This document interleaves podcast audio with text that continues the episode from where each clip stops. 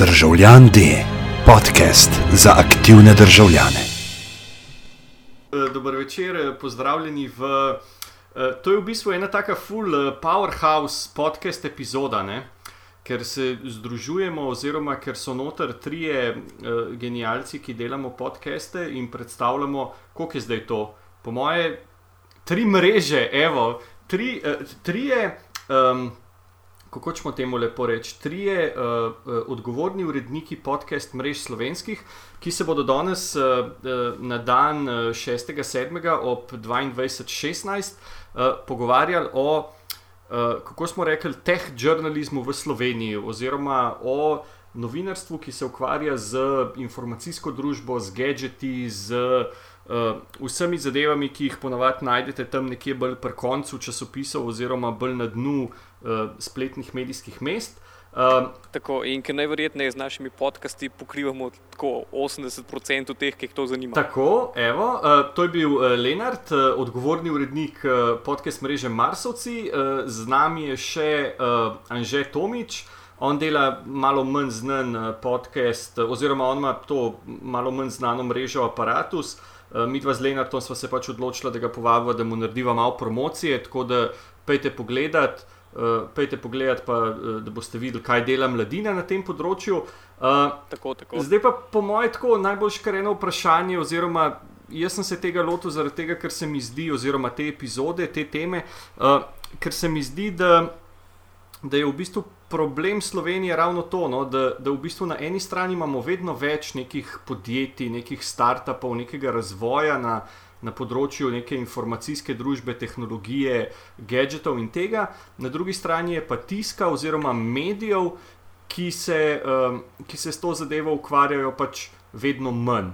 Uh, pa mogoče ne vem, Anže, ki imaš glih A v imenu, zakaj misliš, da je tako? Zakaj mislim, da mislim, štekam? Zakaj misliš, da se. Zakaj misliš, da, da imamo tiska, oziroma da se mediji zelo malo s tem ukvarjajo, na drugi strani imamo pa vedno več firm, ki pač delajo nekaj na tem področju. E, to je razlog, ki je enak kot pri vseh takih večjih vprašanjih, če se dotaknemo računalnikov. Pač in to je najbolj lejem in dolgočasen odgovor, ampak še zmerno obstaja ta nerealen prepad generacij med ljudmi, ki so na odločevalskih položajih in redko znajo konkretno računalnik uporabljati ali pa o njemu sploh razmišljati in pa temi, v narekovajih, mladimi, ki to znajo in to razumejo in razumejo pomen vsega tega. Ampak ni bizarno, da mi že skoraj sodimo v mlado generacijo. ja, to, to je uverd, ampak jaz, jaz sem res, jaz sem res uh, trdno pripričan, da je, da je v, v tem uh, razkoraku med folkom, ki te stvari res mogoče um, tako razume, oziroma ne, pa ne razume, ker to se pa sliši malo podcenevalno, ampak v bistvu nekako. Uh, ali priznava vlogo interneta, ali pa saj tok uh, zrasel z internetom na pravižen, ve, kaj to pomeni. Uh, in pa folkom, ki pač tega ni dal nikoli čez, nikoli se jim ni bilo vredno tega karkoli naučiti, mogoče so na šihtu dobili Vince, pa Office, dlje od tega pa ni šlo, kako pa, pa so pa vse škrati elektronine. Uh, In potem taki ljudje pač tudi odločajo o tem, um, če že govorimo o medijih, uh, o čem se bo pisalo, o čem ne. ne. In pa ne vem, njih ni neko ekstra presenečenje, ne, da je kaj na dnu novičarskih portalov, to kaj si prej rekel. okay, ja, ampak mislim, recimo moj, moj pomislek ne, tej tvoji recimo, teoriji je mogoče glih v tem, da, da, veš, da ta informacijska družba pa te zadeve, da niso več samo. Um, tema, ki bi jo znali pokrivati, oni, ki štekajo, ki so neki geeki, ki imajo doma, ne vem, a veš, ki špijajo igrice, ki vem, visijo na Facebooku, ki berejo Wired, pa Engadget, pa tako naprej. Ampak da gre to v bistvu za čisto eno tako, da ne bom rekel, že malo dolgočasno vejo gospodarstva. Ne? In da če, če, če že nimaš nekega teh urednika, ki bi bil nek specialist na tem področju, sam posebne, da daš to mogoče, ne vem, novinarjem, ki pokrivajo gospodarstvo. Mislim, kaj pa je razlika med, vem, Trifasem, um, Outfitom, uh, ne vem, uh, Vizionektom uh, in ostalimi, ne? Uh, in recimo, ne vem, Krko, Merkatorjem in, in ne vem. Zmislite si še eno firmo. No, jaz mislim, da. No. Ja, pa se veš kaj, se po svoje tega v resnici je skozi več, veš, ker ker sem, uh, to je že malo hecno začeti govoriti o obujanju spominu, ampak če pogledam, koliko časa nazaj sem to začel delati, uh, to je bila res taka tema, ki izven računalniških revij ali pa res takih zelo specializiranih strani sploh ni bila navzoča. Ampak če pa pogledaš, danes je pa stvar vse mečken drugačna. Veš, če odpreš global, ok, ti imajo tuje članke, imaš ti tam četrtino člankov, ki je tako ali pa drugače posvečena tehnologiji. A veš, če pogledaš gospodarske strani časopisov, so startupi pač gospodarska tema. Če dobro, ok, tukaj ima biti nisem jih um, sobotna priloga, malo tudi zaradi mene, a veš, ima skoraj vsak teden kaj o tem. In če sem mogel včasih urednikom skoraj roke zvijati na hrbtu, da bi kaj tehnološkega objavili, zdaj ni noben problem objavljati tehnologije. Veš, pogledaš odmeve, če se zgodi ali Assange ali kakšna NSR afera ali kaj podobnega, to dejansko pride v odmeve, kar pred desetimi leti ni bilo predstavljivo. To, zdaj, pravzaprav ne vem, po en stran te teme res pronicajo v tako čist običajno poročanje, v dnevno politiko, do neke mere tudi v kulturo, če vzameš aksiomo, pars, elektroniko, pa v gospodarstvo, če vzameš startupe, pa v panoramo, če pogledaš kakšne reportaže o novih slovenskih zanimivih podjetij, pa v znanost, če govoriš o tem, kaj vse se pri nas dogaja in koliko znanstveniki bežijo v tujino. Vse konc koncev, to je postala na nek način mainstream tema, ampak res pa je, da po drugi strani pa specializiranih tehnoloških medijev in portalov pa je skozi meni, to je pa res. Mm. No, pa če se mogoče zadržimo ne, pri tem originalnem vprašanju, zakaj je tako, oziroma zakaj. Recimo, vem, jaz sem letnik 81 in se spomnim, da recimo v moji mladosti ne, so bili od ne vem, Jokerja, Megazina, Življenje in tehnika, uh, Monitorja. Um, mojega mikra. Mojega mikra in tako naprej. Zdaj se mi pa zdi, da če bi v bistvu vse te uh, edicije, ne, ki ene obstajajo, ene pa ne, ne, Rest in Peace magazine, da če bi vse to dal skupaj, bi mogoče glih dubu, pa zdaj bom mogoče malo žalil, ampak bi tako dubu eno tako res hudo, uh, hudo teh gadget, ne vem, kakšno revijo oziroma časopis. Ne. Po drugi strani se mi pa zdi, da, da, recimo, da včasih so se te revije predvsem napajale z nekimi recenzijami, pa nekimi prevodi člankov, pa ne vem, da je šel en novinar na CBIT in je potem. Um, Vem, dva meseca pisal o tem, oziroma je imel štofa za pol leta. Ne. Zdaj pa v bistvu to, takoj, ko se zgodi, imaš tuje medije, večina teh ljudi, ki jih to zanima, je, je, je pač angliško pismenih in to prebere drugje. Ne. Hkrati pa, če se vračam nazaj, ne, manjka v bistvu to poročanje o slovenski sceni. Ne. Zdaj se ti dejansko zgodi, da, da prej izveš, recimo, če si iz Ljubljana, ne, da prej izveš, kaj se je zgodilo v Londonu, kot to, kaj se je zgodilo v Mariboru. Ne. Ja, sam. Jaz ne vem, ne vem veš, o čem se, po, mislim, odvisno od čemu se pogovarjaš. Ne? Ker, ker če, pač, jaz ne vem, kaj je, ta, kaj, je ta, kaj je ta slovenska scena, jaz ne vem, kaj to pomeni. Prej si rekel, kaj so razlike med vem, Krko in outfitom, ne? jaz bi si uporečil, da je kar velika. Ne? Outfit sta dva štuka v kristalni palači, kar je pa ne vem, deset tisoč zaposlenih. Ne. Da, jaz ne vem, ne vem točno, o čem se pogovarjam. Ne, ne pravim, da se ne bi smeli posvečati temu pozornosti. Ne. Sam um, ne, ne vem, na kakšen način. Mene bolj skrbi ta del, da se pač internet še zmeraj jemlje, ne, to, kar je zdaj tvoj zadnji crusade, ne, domen. Uh, ki je, mislim, da je čist pravilen. Ne? Ampak jaz mislim, da se pač internet še zmeraj jemlje kot škrate elektrone, ne, ne pa kot mogoče vem, človekovo pravico, kar so skandinavci porajali. Jaz, jaz, jaz mislim, da je tega premalo. Jaz mislim, da o startupih, kako koli, v njih štirje, ki so ležite v Sloveniji, ne, se čist dosti piše ne, in te stvari nekako čist zveš, tudi mi na monitorju, kar se gadgetov tiče. Mislim, da čisto vse pokrijemo in zraven uh, Lenart, ne, pa, pa Matjaž na delu. Ne. Uh, veš, kar se tega tiče, jaz mislim, da ni nič bed. Govoriti o tem, kaj točno. Uh, internet pomeni za družbo, ne, kaj vse je prinesel, pa kaj je treba narediti, da bo tak tudi ostal. Uh, jaz mislim, da tega je pa absolutno premalo, ker razen mojih uh, res redkih približkov ne, na mladini, ki, ki jih imam na to zelo, mislim, zelo omejeno, ne, so ti moji, pa Lenart, Lenartovo pisanje o sobotni prilogi, pa, pa kaj lahko rečemo, še Saviča, ki se dere, pa mogoče še ne pet ljudi, ne, tam pa se pa počasi ostavne. In klej noter pol pride, se je več, veš, pri privatizaciji Telekoma se je več pisalo o uh, pač slovenski srebrnini in ali to sploh je srebrnina. Ben se pa ni vprašal, kaj sploh pač je internet, pa kaj pomeni. Ne. Jaz, jaz veš, kar se tek žurnalizma, bolj to pogrešam. Ne. Veš, pa mogoče na vsake dokcaje, takšen članek ni glih v globalu ne, ali pa v monitorju. Ki se vpraša, da vsi ti gadgeti so nekje narejeni, pa kdo točno to dela, pa kaj to pomeni za svet. Ne. Jaz mislim, da slovenska start-up scena je pač izdost pokrita iz vseh možnih koncev in krajev. No, pa start-up sem dal v bistvu kot primer. Recimo, druga zelo zanimiva stvar je, um, je recimo to mogoče kampansko ali pa tako pokrivanje nekih področji, ki se tičejo informacijske družbe, samo takrat, ko se nekaj zgodi, oziroma ko pride do neke, da ne rečem, afere, pa mogoče je Telekom dober primer. Ne? Vmes se pa kar pusti, da, da se pač o tem noben ne pogovarja, oziroma da, da te zadeve niso pomembne. Ne? Recimo, ne vem, razvojne strategije, um, kam gremo kot država, ne vem, zdaj ta aktualna problematika z selitvijo direktorata za informacijsko družbo, kjer v bistvu noben ne ve, a veš. Ko greš v, bistvu v to neko kričanje, tako kot si rekel, Anže, je v bistvu največji problem to, da moraš ljudem v bistvu full tak dolg intro narediti, da vejo v bistvu, kaj se je vse zgodilo do zdaj, pa zakaj je zdaj tle problem, pa kaj se bo naprej dogajalo, če se zadeva ne bo odvila tako, kot ne, priporoča recimo stroka pa aktivni državljani. Ne. Se pravi, da če pa recimo na drugi strani rečeš, ne vem, uh, problem ajde krke ali pa problem Merkatorja ali pa problem neke druge teme, je pa pokrivanje veliko bolj konstantno. Ne.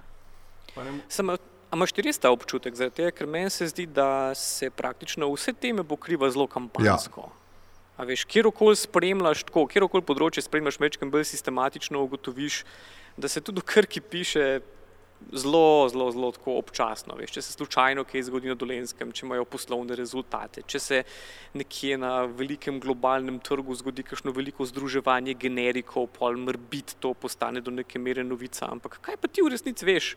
O krki, pa o generikih, tako če spremljaš. Veš, ker ena od stvari, ki jo ti vidiš v naših medijih, če jih spremljaš sistematično in če spremljaš vse, kar tako ali tako delamo, samo um, medijski profesionalci, ki nam je to v nekoliko opisu deli nalog, je to, da.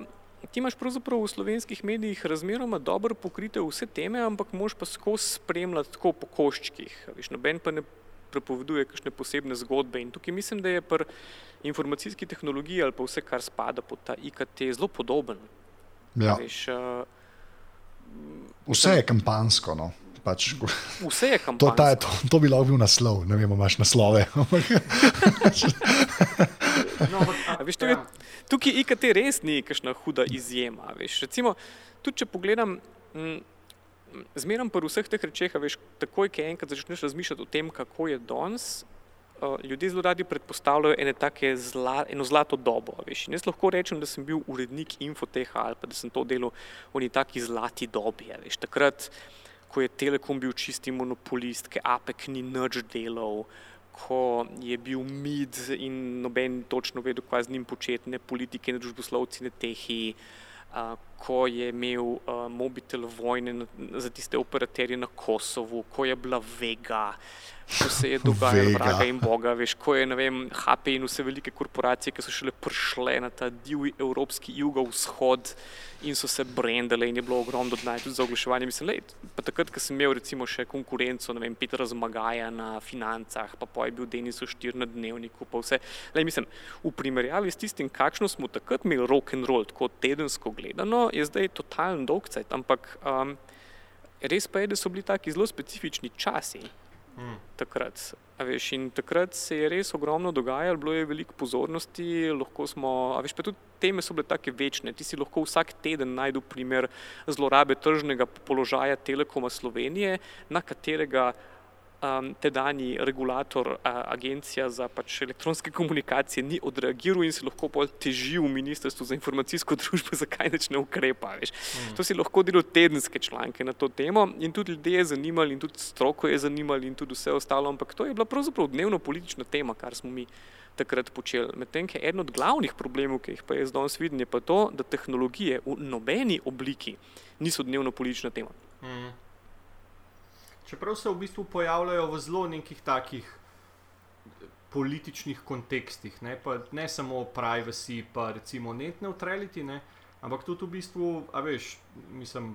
Če ne drugega, je, če zdaj gledaš recimo razvoj teh gospodarskih panog na tem področju, bo v bistvu to čez, ajde recimo, ne vem, fingers crossed, prej kot v desetih letih, ne, bo to večina nekega, nekega ustroja, v katerem se bomo pač sprašvali, pa ukvarjali, pa, pa v bistvu ga probali, ne vem, razumeti, pa razvijati, pa tako naprej. Ne, in, Ja, ampak veš, tukaj je malo problem v tem, ker uh, mi premalo razmišljamo o teh rečeh kot o taki vem, kritični infrastrukturi. Veš, tukaj je malo, recimo, ena od stvari, ki jo jaz tukaj vidim in je res eden od večjih problemov, je to, da se je velik tega, kar se vem, povezuje s tehnologijo, se je res zgodila taka huda gadgetizacija.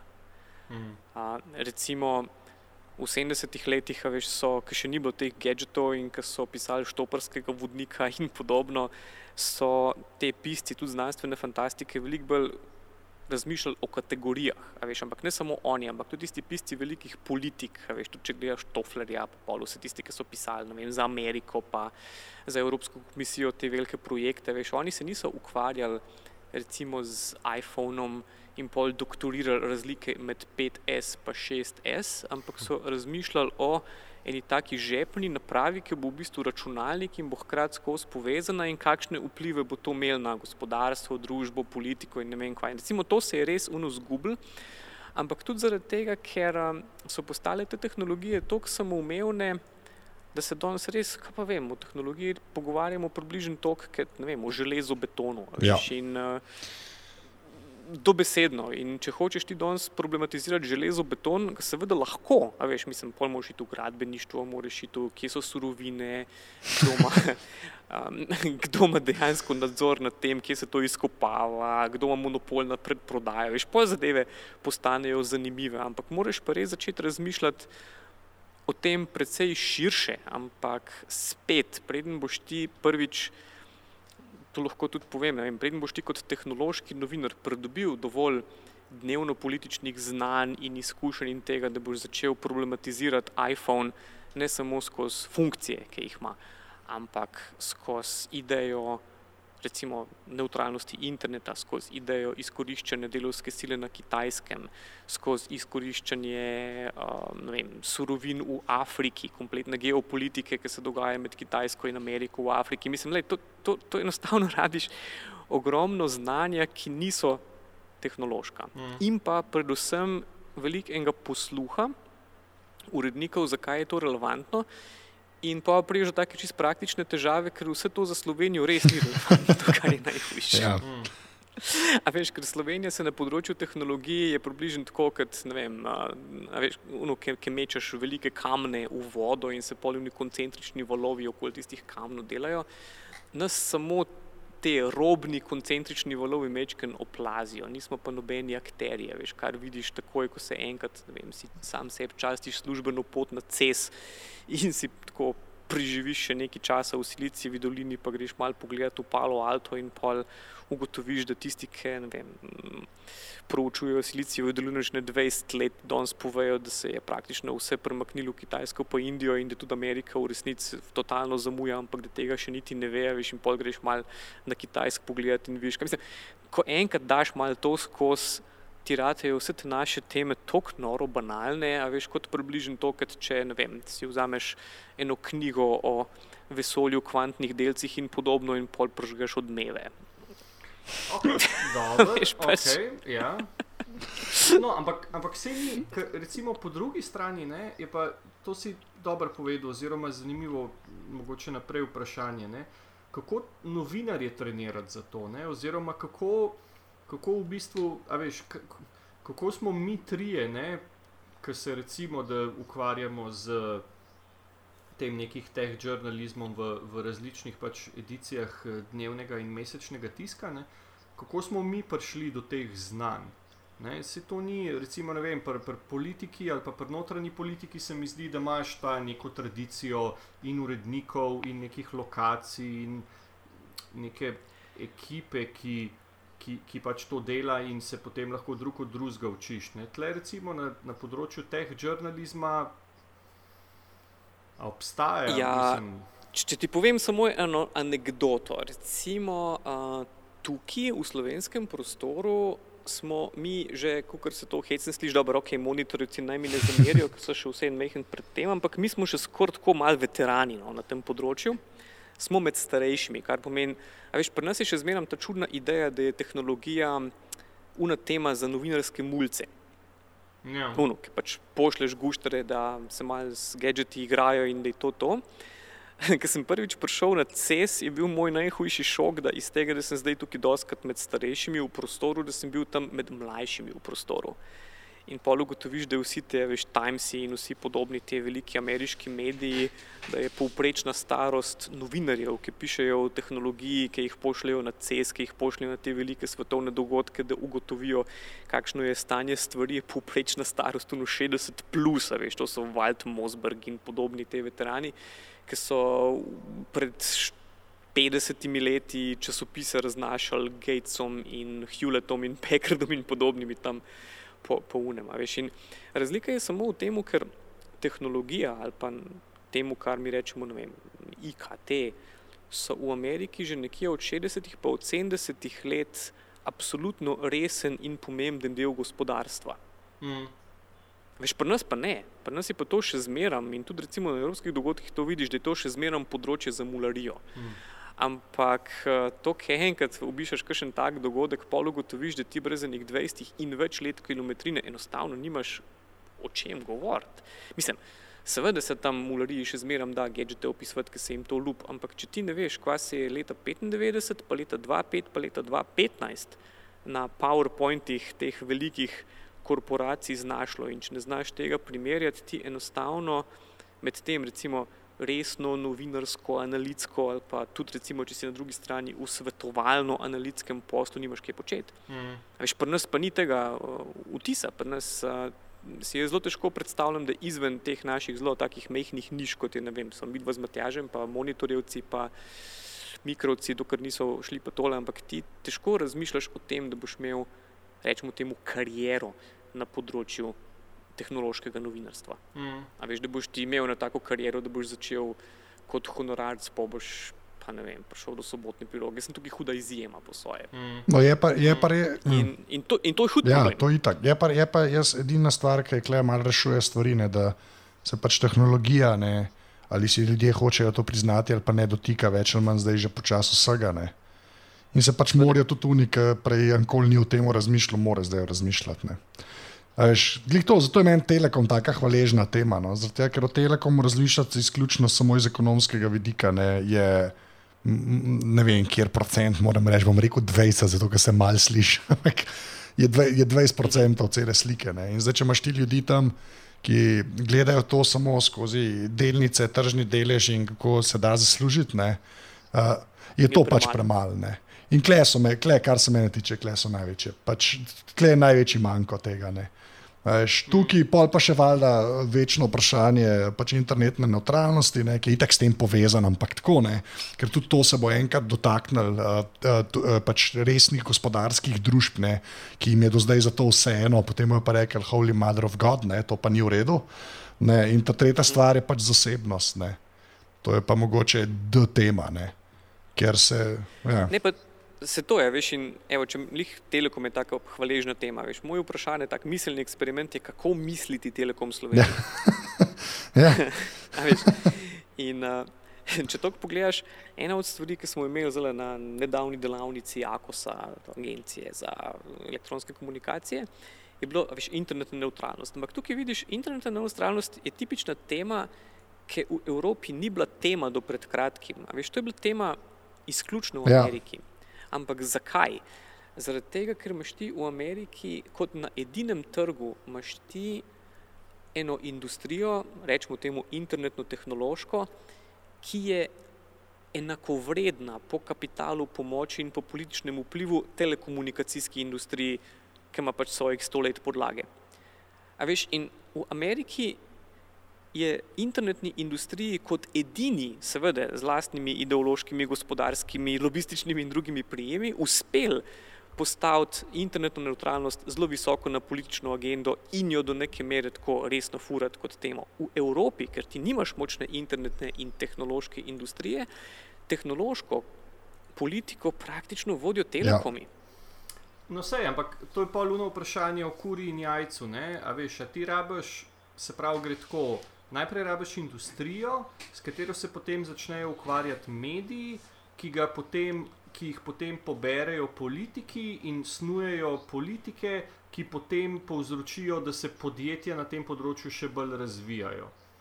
Tako nekako. Ali, ali je to kontra, pa imaš ti v bistvu pametne politike, ki razvijajo, uh, ki razvijajo pač, uh, pametne politike, in potem, uh, in potem se zaradi pametnih politik razvije scena, in potem imajo mediji kaj za poročati. Potem, se pravi, kje, veš, kdo, zdaj, kdo je zdaj uh, gonilo napredka?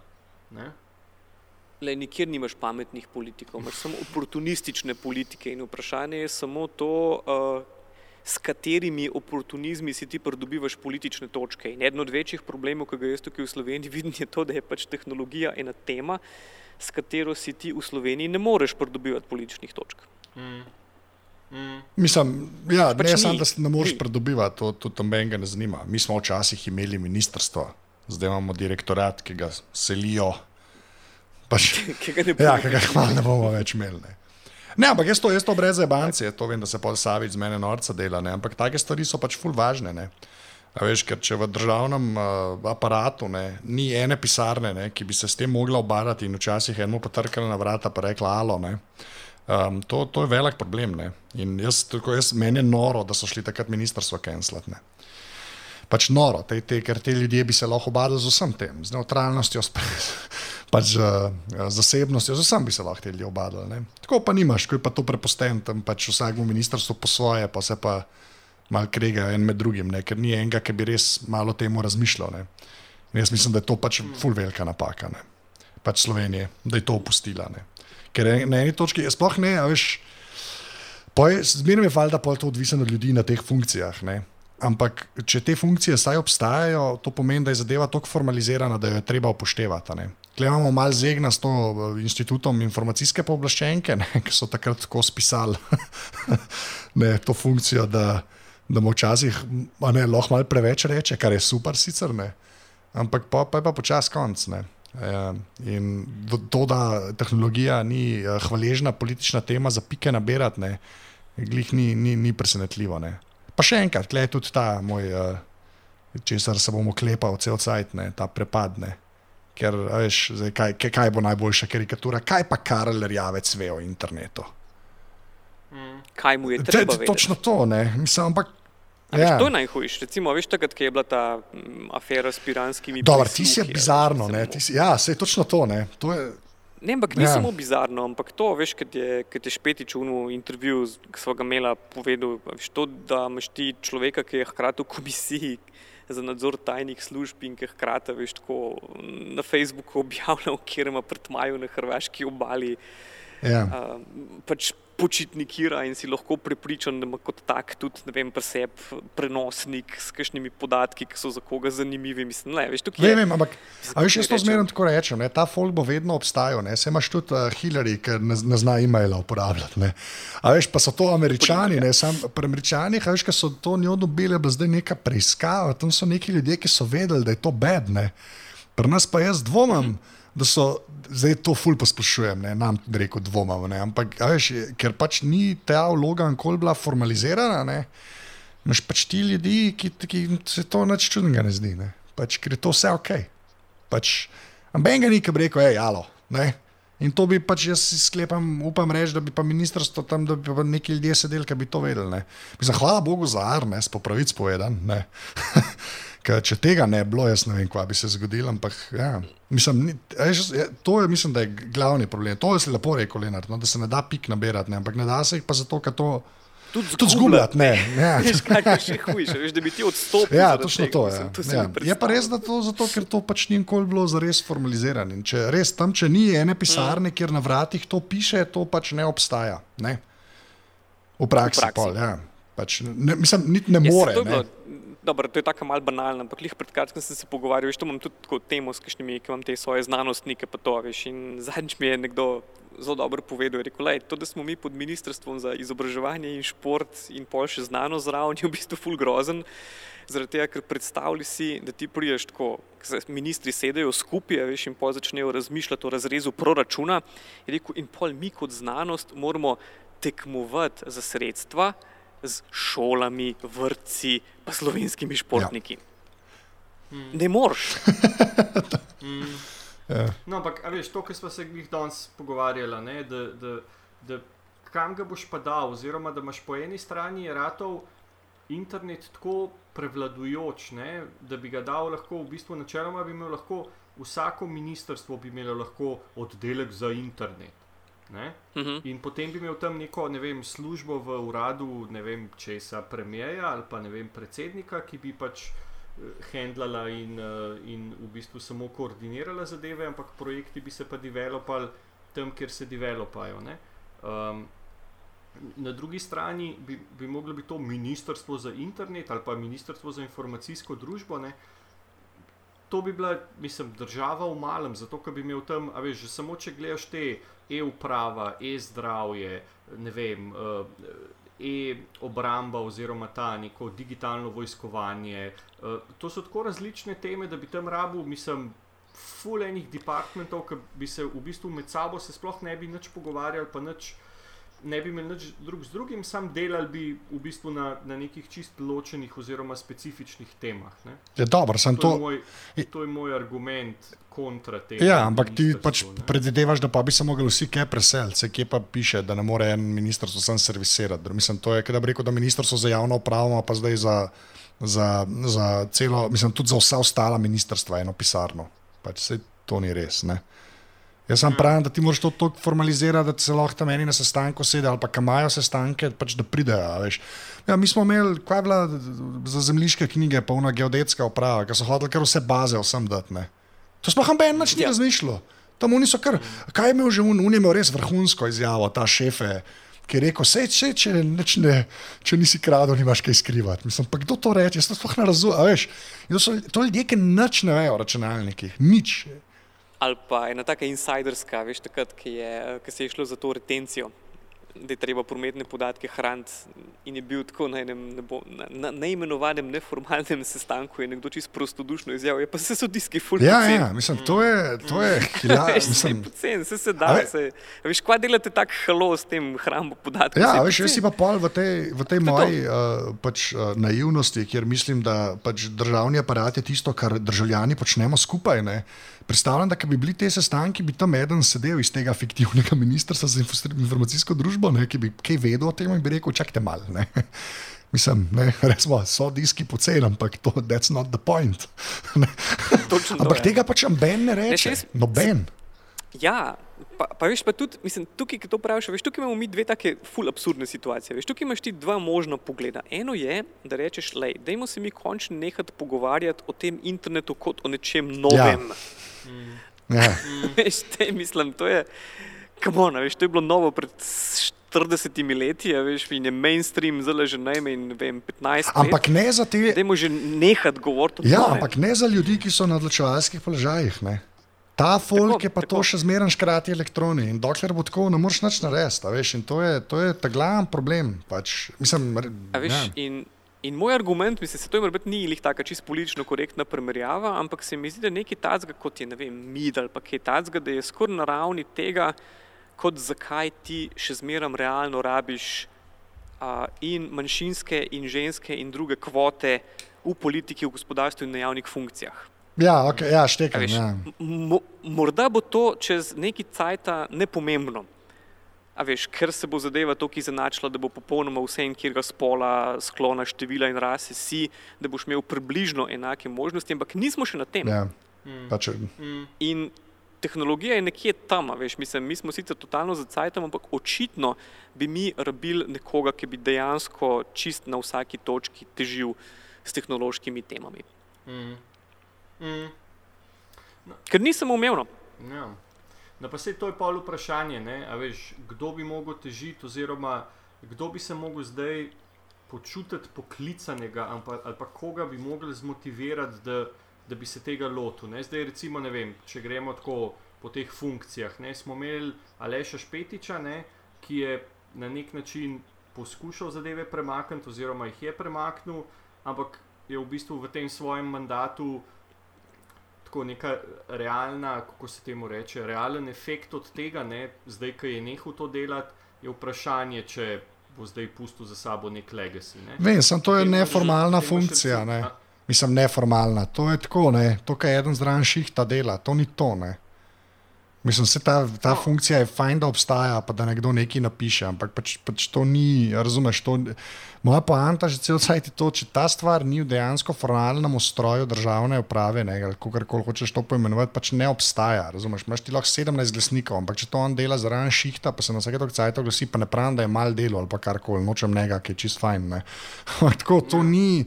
Razumeš, to je, tako, pač to je kaj, teorija organizacije. Jaz sem se na eni točki to učil, ne?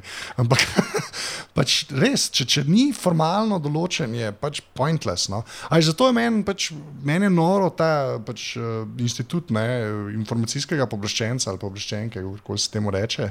E, To je ena taka fajna anomalija, ki, so, si jo, pač, ki si jo je politika naredila, pa se jo v bistvu, hvala Bogu, zdaj ne more losati. Ne?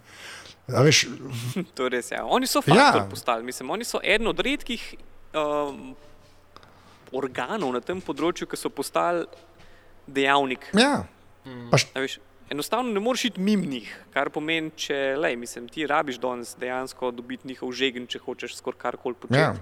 In to je eden od redkih takih inštitucij, ki ima to možnost, mislim, ki ima to moč. Ampak spet vemo pa, da je tukaj kombinacija posebnega urada, pa zelo tako zagrete pooblaščenke dveh mandatov, plus, eh, mislim, ki hkrati obvlada medije in še en par takih reči, ki so No, ja, to je tako, ampak veš, je pa del formalne strukture. Ne?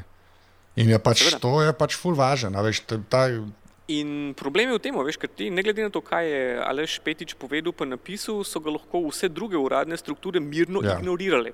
in so tudi ga. Realno gledano, mislim, pač. Ja, in to res, to, to ni. Až fulje, ni za podcenjevati tega, da pač dejansko državni aparat uh, je, je zato tam, da pač nam služi. Ne? In če je slabo postavljen, ti nič ne pomaga ne? in bi se ga dal boljš postaviti. ne. A veš, Pa, pa seveda, ali se to lahko na 17 računov izrodi, seveda, da se lahko. Ne? Ampak, veš, sej tudi KPK se vidi, ne?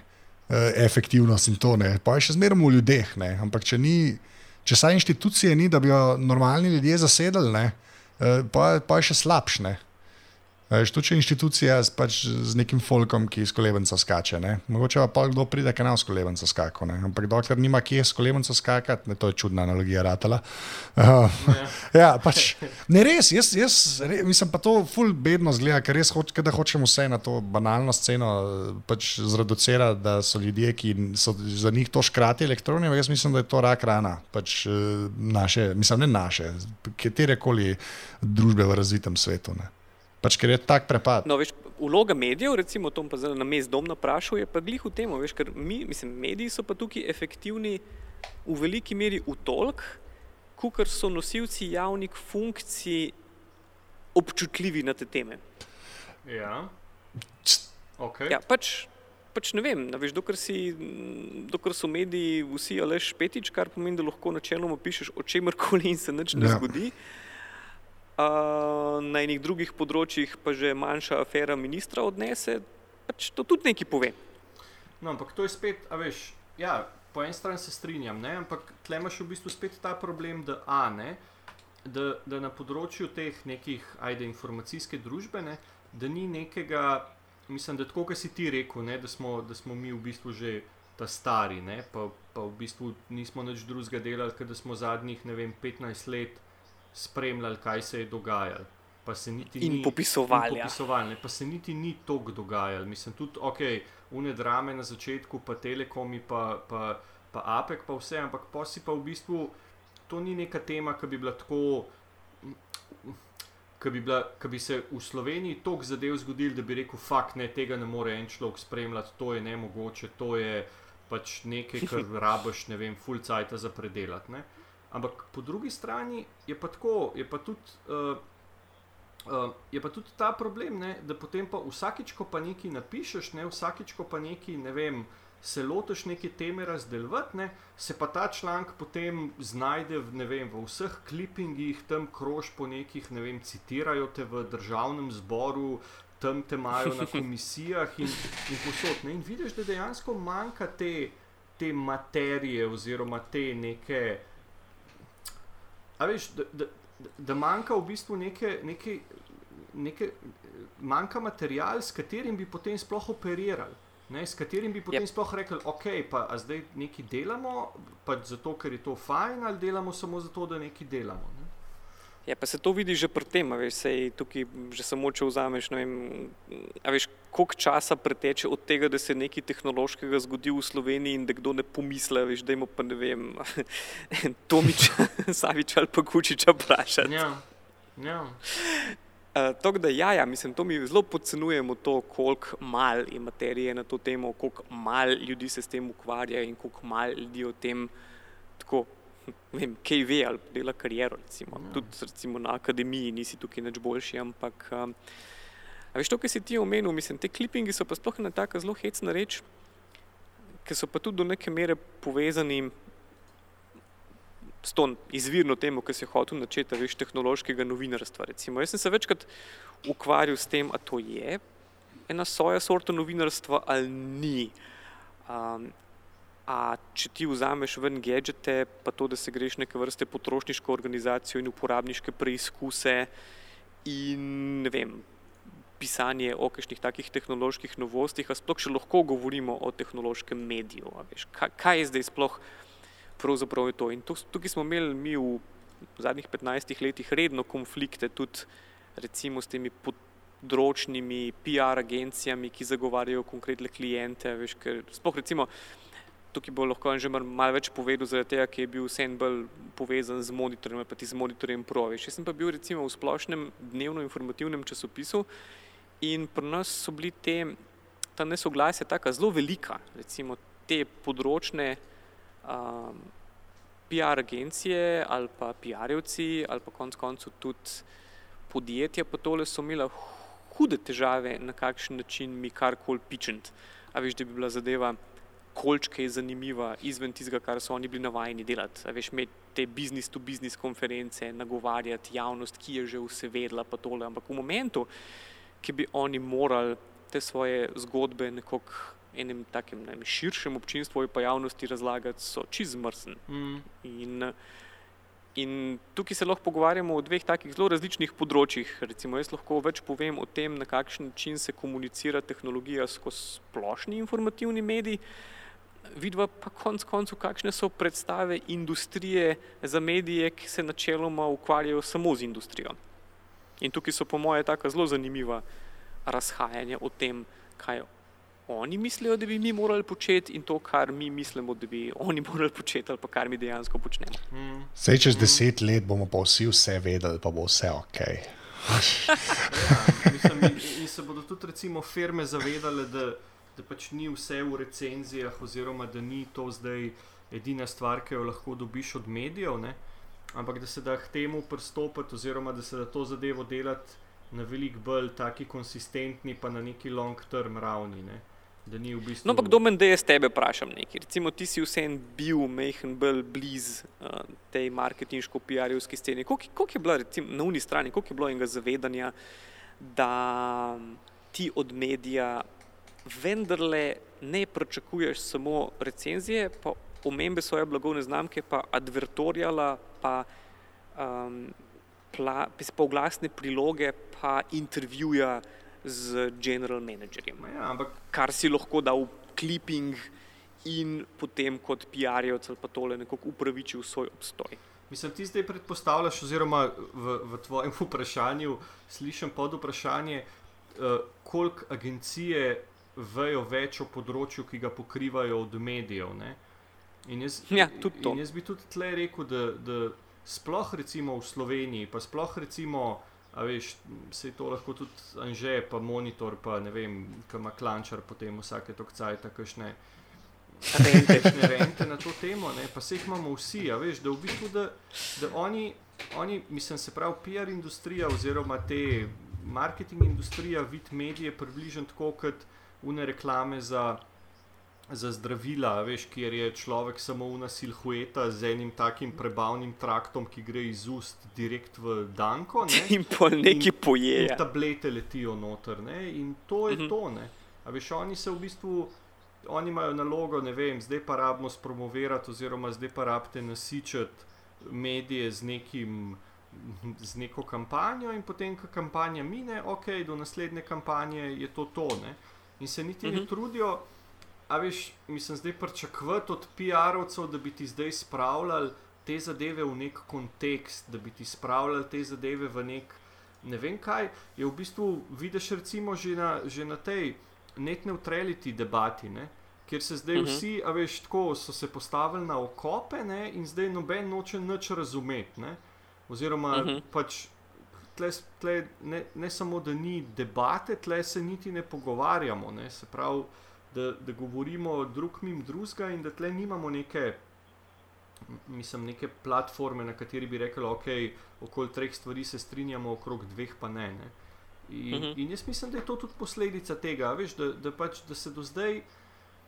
Da, da smo se do zdaj, do neke točke je bila ta teh scena, oziroma scena informacijske družbe zelo homogena, vsi smo bili uni gadget, oziroma vsi smo bili te neki internet friki. Ne? Zdaj, ki so se pa zače, zadeve začele cepati, ne? zdaj, ki so se pa zadeve, ne vem, pa imaš telekome, pa imaš ne vem, content providerje, pa imaš ne vem, neke te service providerje, pa to. In tle se zdaj začnejo malo grist, ne? zdaj so pa vsi, kot da bi bili presenečeni, odakle ovo, ne? kako smo, pa, kako smo pa zdaj ratali kar sovražniki, oziroma kako pa zdaj ne razumemo tega, da, da, uh, da pač nismo mi tle najboljši frendi, pa da nimamo istega cilja. Ne? In to je in part, se mi zdi krivda tako PR-ovcev, oziroma tako pač te, tega marketinga, ki ni razumel nekega spleta, ampak je imel une plašence gor in samo kampanja, samo kampanja. In na drugi strani novinarjev, ki v bistvu v tem niso videli nič slabega. Ne? Oziroma, Ali pa v mojem primeru nič dobrega. no, ali pa nič dobrega, ampak tako, da, da, da je bilo to pač sprejeto kot dejstvo in da se tle ni izpraševalo o vlogi novinarjev, o vlogi medijev, o, o tem, kako zdaj kritično, kako ne kritično poročati. Ne. Se pa strinjam, da pa recimo, ker to se je pa tudi že dogajalo, a veš, da, da potem, če je pa medij bil preveč kritičen ali pa preveč reflektiven ali pa preveč tak, ker recimo firmam ni bilo všeč, ne, so ga pa enostavno pač zbrisali z mailing liste. Ne. In Tudi o tem lahko kaj povemo. Veš, in, so, in so pač rekli, ok, zdaj pa pač vi ne boste več dobivali, oziroma nimate več dostopa do nečesa. Ne? In to so recimo velike, ali pa so mogoče celo pogojevali dostop z, mislim, pogojevali članke z zakupom oglasnega prostora in vice versa. Ne? In so Mhm. mediji pač, hočeš nočeš, prišli v neko, uh, v neko podrejeno. Ne, čeprav tukaj je bilo zelo bizarno stanje, zato ker to je ena od stvari, ki jo tako ena od velikih fam tukaj v medijskem prostoru je pa to, da lej, dejstvo je, da imaš ti tukaj svobode toliko, ker si jo izboriš v veliki meri. Mm. A veš, zaradi tega, ker s to retoriko se mi zdi, da sem jaz tako zelo hiter v parih mestih počistil, veš, ki je bilo porovna varianta, mislim, lej, če bom pa jaz kot novinar odvisen od PR-jevca ali pa agencije do dostopa do informacij, moj sem pa pa fak mino. Mm. A veš, in se mi zdi, da tukaj mm, ena od stvari, ki jo novinari še zmeraj delajo kot tako zelo hudo napako na zelo vseh tistih ravneh, je to, da v resnici in to tudi lepo v primeru Brexita, recimo tega Murdohu, ni treba kaj posebej razlagati, a ne. Uh, kdo ima pravila igre v svojih rokah. Veš, in mislim, da sem jaz enkrat prvo v zgodnem tem obdobju bil tako mečken koki in uh, snemo enkrat enega zelo tega pokroviteljskega PR-jevca na drugi strani, pa se rekel, le da je naredil tak hecen poskus. No. In to je, ne, ne boš ti mene dal na blacklisto, kaj pa če jaz tebe dam na blacklisto. A veš, kaj se bo prej zgodilo? Bo prej mene urednik vprašal, ti zakaj pa od klientih tega podjetja nič ne pišete, a bo prej tebe začeli klienti pisati, zakaj te ni v delu, mislim, lej. Mm. Tukaj je ena taka stvar, ki jo um, iz meni popolnoma neznanega razloga pač novinari pri nas res ne štekajo. No. Da, tukaj PowerPlay je veliko bolj kompleksen, kot zgor to. a veš, da pač oni imajo oglaševalske budžete. Um, Ja. In lahko pol s temi neki Ja, grozijo sploh okoli tega, mislim, ni tako. Ja, zato, že zato, ker unike jih imajo, jih morajo nekje pokuriti. to, a veš. In če boš ti čist vse pokuril na najbolj unih, kar neki Ja. medijih, a veš, ki ti bojo vzeli pa objavili, kar koli jim boš poslal. Tudi Mislim, multinacionalke. To ja. tebi dela clipping pro. Ja. Ampak Tudi v multinacionalkah na vsake dok cajt, kdo pogleda v ne Excele. Ka, Ja, ne, ja, niso Ja, to glupi. No. Ker recimo, ne, glih, to je potem ta, ta druga fora, oziroma mogoče pa s tem naredimo en tak wrap-up na koncu, ne, da se tudi generacijsko spreminjajo potrošniki, če ne drugega. Ne, se pravi, tisti tretji kot eh, tega trikotnika, kjer imaš oglaševalce, medije in potrošnike, ne, kjer, kjer tudi v bistvu in zaradi tega, ker, se, ker je pač virov informacij več, in zaradi tega, ker smo vsi, ki se recimo s temi informacijsko družbo, pa kaj nas te zadeve zanimajo, malo ukvarjamo ne samo preko medijev, ampak zbiramo informacije iz različnih virov. Ne, uh, da v bistvu nimaš več, uh, mislim, nisi več tako odvisen od medijev, sploh ne lokalnih. Ne.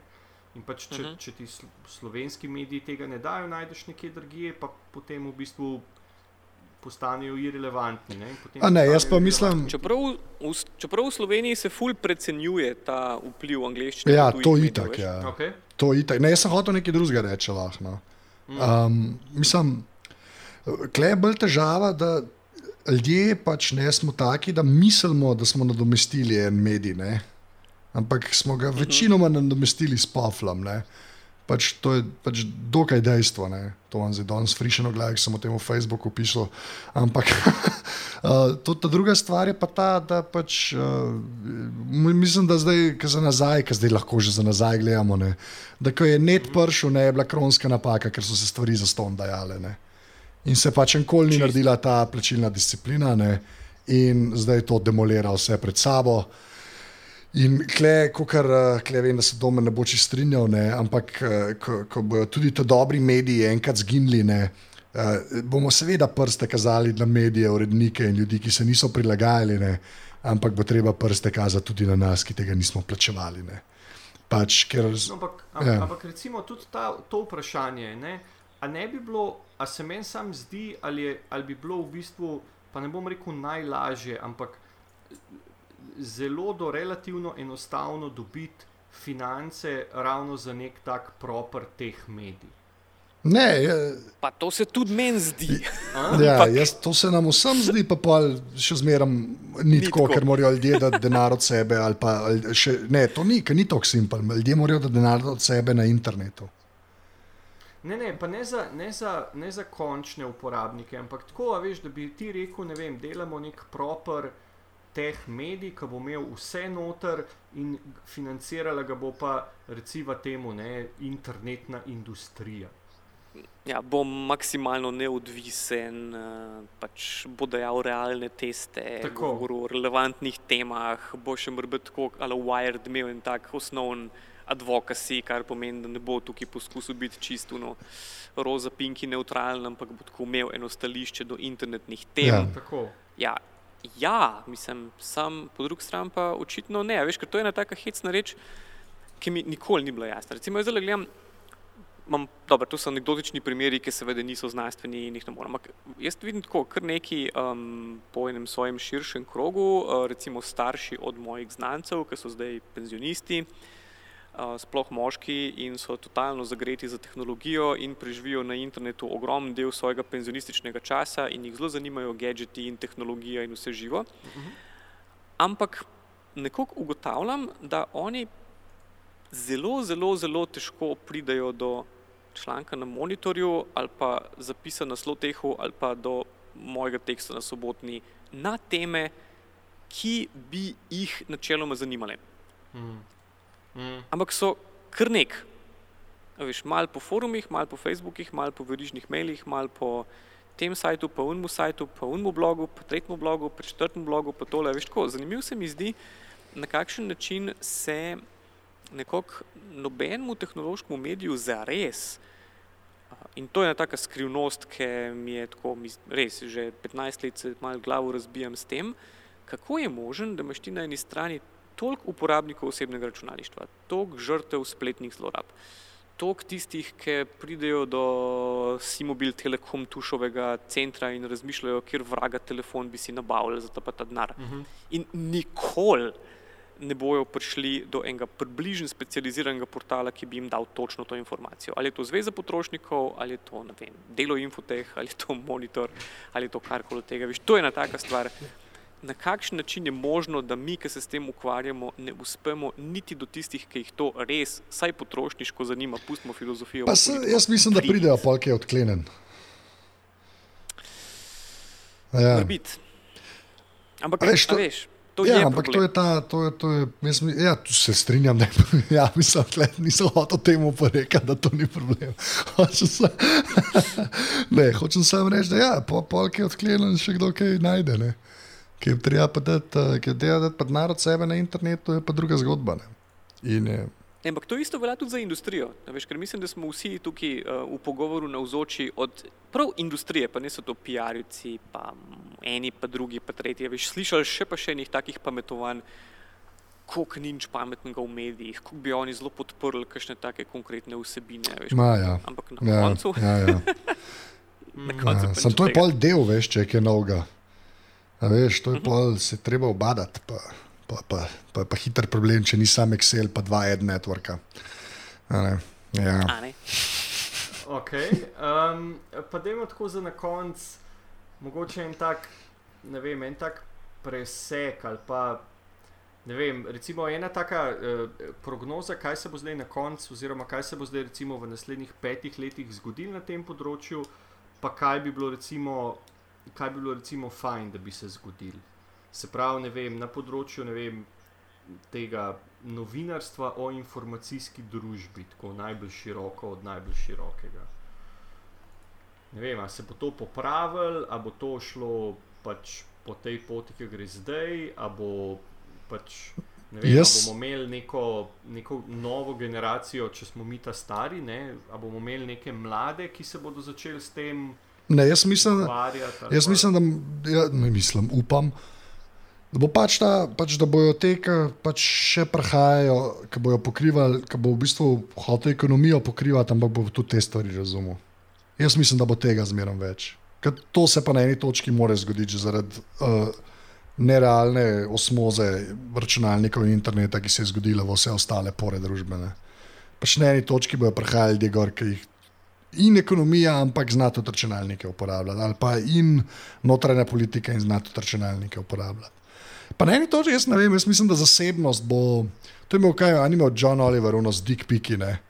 Pač to, to bo enkrat eh, na zelo en realen živce udarilo, tudi v Sloveniji. Ne. Bo, bo, bo, to je uno, to je uno črno. Ja, ja, to je taka temperana bomba in ker se bo to zgodilo, se bodo ljudje hitro začeli izobraževati. Takrat pa, lej, je. Yeah. Ma, je, veš, jaz se najbolj bojim tega, ker uh, mi smo še vseeno imeli eno tako privilegirano pozicijo, da smo imeli tako nekako deset let, vsaj približno pogoje, da smo se s tem ukvarjali. Uh mhm. -huh. In kar me najbolj skrbi, pa vsem tem je to, da ne vidim svojih naslednikov, kakršnih koli že, ki bi imeli deset let priliko, a veš se učiti, pa spoznavati, pa hoditi po konferencah, pa vse te stvari početi, ki smo jih pa mi vseeno imeli. A veš, nekaj zaradi tega, ker so nam medijski delodajalci to omogočili, nekaj zaradi tega, ker je bilo industriji v interesu, da so nas kam povabili in vse. Ampak, lej, mislim, če bi šel delati bilanco, kje sem vse bil, pa kaj sem vse gledal, pa koga sem vse spoznal v zadnjih 20 letih. Um, stvar postane tako, kar precej impresivna, ampak se pa bojim. A že jaz, že jaz večina... ne spadam v to, da bi karkoli tega imel. Ne? Mislim, zelo malo. Ja, že, že ja. ti si toliko mlajši, da nisi te približno zlati ja, dobe doživel. To je dejstvo. Ne. Vse zato pa, ja, to je, to je kar del. In ne. ta generacijska luknja je hud problem. Ja, kar depra, mm. kar onik depra. No, ne vidiš, smo na depri končali, to je dobro. Ne, to je problem, zaradi tega, ker res veš, če ti nimaš tako enega tajega osnovnega, tudi recimo, lej, tudi o zgodovini, mislim, tudi o slovenski politiki informacijske družbe, tako zelo težko, prav, ki dosta razmišljaš, če za mit izveš samo v dokumentaciji. No. Ja. Mm. Mm. Realno. In, uh, ampak to je pa ena taka stvar, ki pa pri nas na splošno problem, veš, ker se nič ne dela na prenosu znanja, pa prenosu generacij, pa vsega živega. Ampak lej, to je ena stvar, ki vse te uspešne družbe na področju te tehnologije, torej že tam nekje od 70-ih ali pa vsaj od 80-ih gledajo kot del industrije in uh, kot se to hecne sliši. Dokler ne boš ti mogel v Sloveniji imeti na vseh tehnoloških področjih, pa ne bo to dobesedno sociologije, tehnologije, da boš prodal na faksu, pa ne samo ne vem, kje je predmet, ampak da boš ti dejansko lahko od medijskih študij do socioloških študij, do humanističnih študij, ekonomskih študij in vraga in boga in vsega imel lahko ekonomske karijere, gospodarske karijere, poslovne, mislim, podjetniške karijere, novinarske karijere. Uh, birokratske karijere, analitske karijere na področju tehnologije v Sloveniji, se zelo težko pogovarjamo o tem, da smo kaj naredili. Mm. A to si okay, zdaj hotel na, um, na bolj upbeat končati? ne, ne, ne, ne vse je upbeat. Eh, na, na, na koncu, pač, ker to uh, podcast državljan D, na koncu imamo zmeri tako eno, kaj lahko naredimo, da bi bilo boljš. Se pravi, in kot, vem, kot novinari, in kot potrošniki, in kot, dobro, kot politiki, zaenkrat še ne. No? Ampak, veš, kaj lahko potrošniki naredijo, da bi bilo, oziroma bralci, da bi bilo boljš, pa kaj recimo lahko lahko mogoče tudi firme ali pa podjetje naredijo, da bi se začele stvari na tem področju malo drugače obračati. Ja, jaz z novinarskega vidika lahko samo rečem to in tukaj, če izpostavim na eni strani počrto, na drugi strani kolega Matjaža, ki zdaj odhaja na soje in še koga, da se bojo začeli ljudje, ki odhajajo z novinarstva, dejansko iskati nove možnosti v novinarstvu. Veš, ne pa, da grejo iz novinarstva ali v državno upravo ali v PR ali pa ne vem koga, zaradi tega, ker se mi zdi, da je prostora za medijske eksperimente tudi na področju tehno novinarstva ogromno. Zato, ker pač ni, mislim, praznega prostora je ogromno, veš, in če bomo se začeli obnašati mal v skladu z duhom te panoge, ki je v osnovi start-uperska, ki je eksperimentatorska, ki temelji na tem, da od 20 poskusov jih 19 propade, pa en murat. Mislim, tukaj smo mi, tudi tehno novinarji, v resnici čist preveč konzervativni. In če bomo začeli tudi mi se večkrat v duhu te panoge obnašati in začeti eksperimentirati in pač lajevno reči, a veš, a bom jaz zdaj, mislim, se to je ena taka stvar, ki jo večkrat povem, ampak a se bom jaz čez deset let nazaj ozrl pa rekel, le, če se vsega nisem počel zaradi tega, ker moj delodajalec, šef, urednik ali pa ne vem kdo ni štekel, Ne, lej, mislim, tukaj je stvari za narediti, ful, začneš pa lahko jutr. Uh, to je pa, okay. pa filmsko. Uh, bo, ka, ka, to, to pomeni, da imaš zdaj še 40 minut, da začneš jutr, ker je ura 23:18 in bo tole dolgo 1 uro pa 15 minut. Uh, tako da vse v redu, Anže, še ti poveš. Ne, jaz, eh, kar se novinarske strani tiče, bom samo kimal uh, Lenartu. Kar se tiče pa, pač, potrošnikov, pa tega, pa um, valjda ne bomo potrošniki prej dojeli, naprej nam bo prepozno, da je treba te zadeve plačati. Ne. To se seveda ne bo zgodilo, ampak upam, da se bo to zgodilo. Ampak se ne bo, ne. ampak jaz pač upam, da se bo. Da pač na internetu ni vse za ston. Ne, ne bi smel biti. Ne, nič ni za to. Itak, ampak, ampak sem, da se bojo tega zavedati. Ampak se ne bojo, jaz mislim, da ni, ni šans. ne, itak, ampak upam pa, da se, uh, upam, da, pa, da se to zgodi. Ampak ni šans. Da, ja. Okay, ja. Ni šans, da se to zgodi. Uh, končal si pozitivno. Res je. Uh, ja, drug del stavka je bil, ni šans, da se to zgodi, ampak jaz upam. Upanje je tako pozitivna ja. stvar in bomo tle na tem mestu nehali. Uh, tole je bila um, poletna ker ne vemo, ali jo bomo objavili zdaj, oziroma bom jaz to uspel zmontirati do 15.7. ali bom rabo cel mesec za to, pa bom na koncu Tomič otežil, da naj mi pomaga. V glavnem poletna. Riper, riper, riper, riper. riper. Poletna epizoda, poletna epizoda uh, podcasta Državljan D, z mano sta bila Anže Tomič in uh, Lenard Kučič. Uh, če se uh, čutite poklicane, da bi na to temo kaj naredili, oziroma da bi pač pomagali uh, razvoju teme, dajte denar ali Kučiču, ali Tomiču, ali Saviču. Evo, tri je na ič, e, fakt, nekaj bi si mogel zmisliti na to temo, ni važen, prepozen, prepozen. prepozen. Um, drugače pa ja, eh, zahtevajte odgovornost od tistih, ki jih imate za odgovorne. Um, hvala lepa, eh, se vidimo naslednji mesec oziroma v naslednjem delu podcasta Državljan D. Čau. Adijo. Čau.